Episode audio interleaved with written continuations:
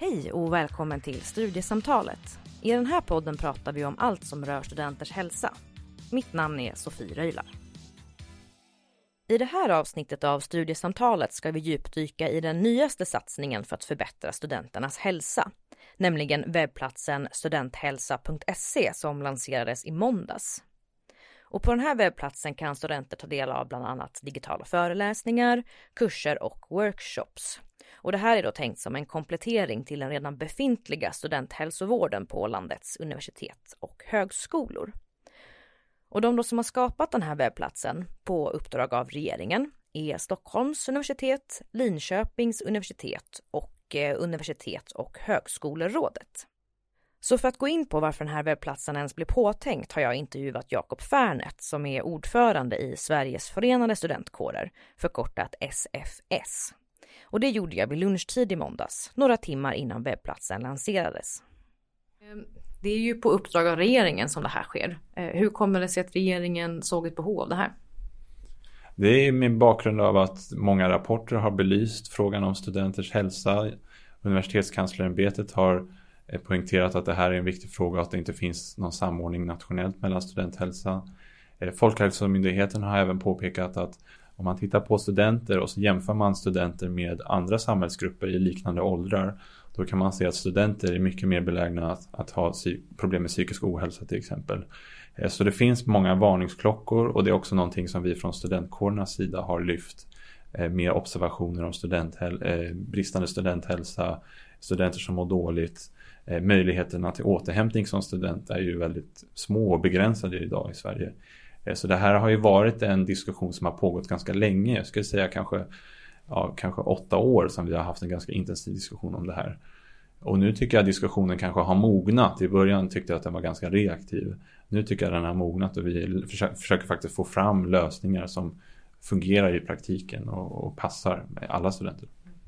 Tror ni då att den här lösningen med en webbportal är en lösning? Eh, jag tror det är en del av en lösning i att ha en välfungerande studenthälsa. Eh, kommer det göra att studenter generellt eh, har bättre hälsa. Det är jag inte övertygad om. Och någonting som har hänt, hänt, i den här debatten tycker jag i alla fall om studenters hälsa är att vi har svängt mer till vad kan man göra när studenten mår dåligt, när det liksom har inträffat. Återhämtning, de frågorna. Och där ser jag fortfarande att vi ligger efter väldigt mycket i liksom möjligheterna till återhämtning för studenter. Det går till exempel inte att vara deltidssjukskriven idag som student. Så att den generella studenthälsan är jag fortfarande oroad över. Men studenthälsoorganisationerna tror jag eh, i alla fall tar ett steg framåt med det här. Men den här just, skulle du kunna egentligen berätta om syftet med studenthälsan.se? Det är ju i grunden att ett, ge studenthälsomottagningarna i Sverige en plattform där de kan utbyta erfarenheter så att vi faktiskt sprider goda exempel över hela landet. Och två, såklart för studenterna att de ska kunna erbjudas en likvärdig eh, och bra studenthälsa oavsett var man befinner sig i landet. Eh, vi kanske förknippar studenthälsomottagningar mycket med att man går till en, en plats på campus. Det är långt ifrån alla studenter som ett befinner sig på campus eh, överhuvudtaget och två, många som pluggar på distans. Eh, så att planen är att man ändå ska kunna nå det här oavsett var man befinner sig i landet. Men tror, eh, eller på vilket sätt tror SFS att det här kommer att hjälpa studenter? Jag tror att det kommer ge en samlande plattform för dem att kunna ta del av alla de funktioner som studenthälsan erbjuder och även få sådana funktioner som man kanske inte hade fått om man bara gick till sin egen eh, lärosätes studenthälsa. Utan det här kommer också kunna inspireras nationellt av goda exempel som sker över hela landet. Sen såklart eh, likvärdigheten tycker jag är det viktiga i det här. Att du ska kunna plugga var som helst i Sverige och kunna ha tillgång till studenthälsa. Oavsett om du är på campus eller om du är en distansstudent. Och det här projektet nu har ju hittills kostat 6 miljoner kronor. Och så ska det vara 5 miljoner kronor årligen ser du att de pengarna hade kunnat läggas på någonting annat som hade hjälpt studenterna mer? Jag tycker det är förhållande, i förhållande till hur mycket pengar det är så tycker jag det är välspenderade pengar och eh, man skulle kunna skjuta till det här generellt till lärosätena och, och att de själva liksom skulle få ta fram det här. Men det är ju ganska svårt tycker jag och man vet ju inte hur mycket av de här pengarna som faktiskt går vidare då till, till att utveckla studenthälsorna. Så jag tycker att det här riktade uppdraget ändå har varit en bra idé och jag, ty jag tycker också att det har varit fint att man har gett uppdraget till en, en av högskolemyndigheterna men man har också inkluderat två lärosäten vilket gör att kopplingen till det akademiska och den verksamhet som bedrivs där tycker jag ändå har varit god. Eh, så jag vill ändå säga att det har varit ett bra, bra upplägg för eh, regeringsuppdraget. Ni har ju varit eh, delaktiga i den här förstudien till studenthälsan.se. Hur har det varit? Det har varit jättespännande. Det här är ett uppdrag som vi har velat få till länge så vi var ju väldigt glada och tacksamma för eh, att regeringen tog det här beslutet att, att ge de här myndigheterna uppdrag att eh, vidareutveckla eh, den här webbportalen. Så vi har ju varit delaktiga med inspel och studentrepresentanter och liknande som har gjort ett, ett stort jobb i att försöka få till det här projektet. Under den här förstudien då, tycker ni att era åsikter hörsammades? Det tycker jag absolut. De har varit väldigt välkomnande för våra inspel och eh, önskemål.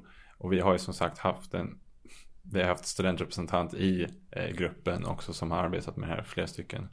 Så vi, vi tycker ändå att det har varit gott studentinflytande i det här projektet. Har, har du någon favoritdel på den här hemsidan? Jag tycker studentdelen såklart är ju min favorit. Eh, där det finns, eh, tycker jag, väldigt mycket konkreta tips eh, om till exempel prokrastinering som jag själv har varit ett offer för när jag studerade. Så sådana konkreta pluggtips som finns tillgängliga och finns olika tips för gillar jag verkligen. Men du som ändå är då ordförande för Sveriges förenade studentkårer, har du någon koll på liksom vilken, vilket lärosäte som har bättre studenthälsovård? Ja, det är så, såklart de som är resursstarka. Det är ju ingen tvekan om det. Att i de lärosäten, om vi tar de stora exempel, Stockholms universitet, där har man ju möjlighet att ha en stor bemanning av eh, olika kompetenser som kan hjälpa studenterna. Men om vi pratar om de mindre lärosätena så har man kanske inte alltid de resurserna som behövs för att tillgodose alla behov som studenterna har. Och vi har till exempel flera lärosäten i Norrland som har ett väldigt stort regionalt ansvar skulle jag säga som täcker sig över en stor Eh, mark. Liksom. Och där tror jag det är ännu svårare att kanske få studenter eh, att komma till studenthälsomottagningar eftersom det är så stora distanser.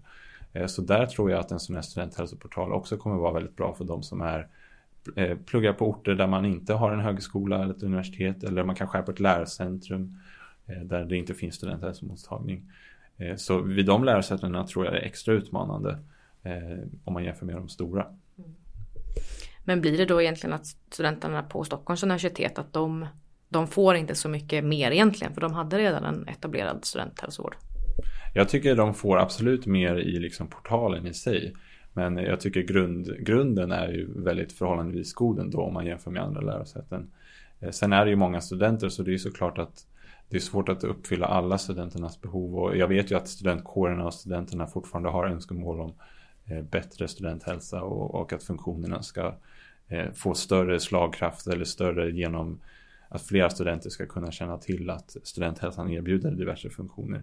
Så att vi är inte i mål än, men eh, jag tror på framtiden ändå. Det finns ju så pass mycket nu på internet. Det finns TikTok och det finns Instagram och det finns alla möjliga typer liksom hjälpsidor och så. Hur tror du att studenthälsan.se kommer nå ut i det här bruset?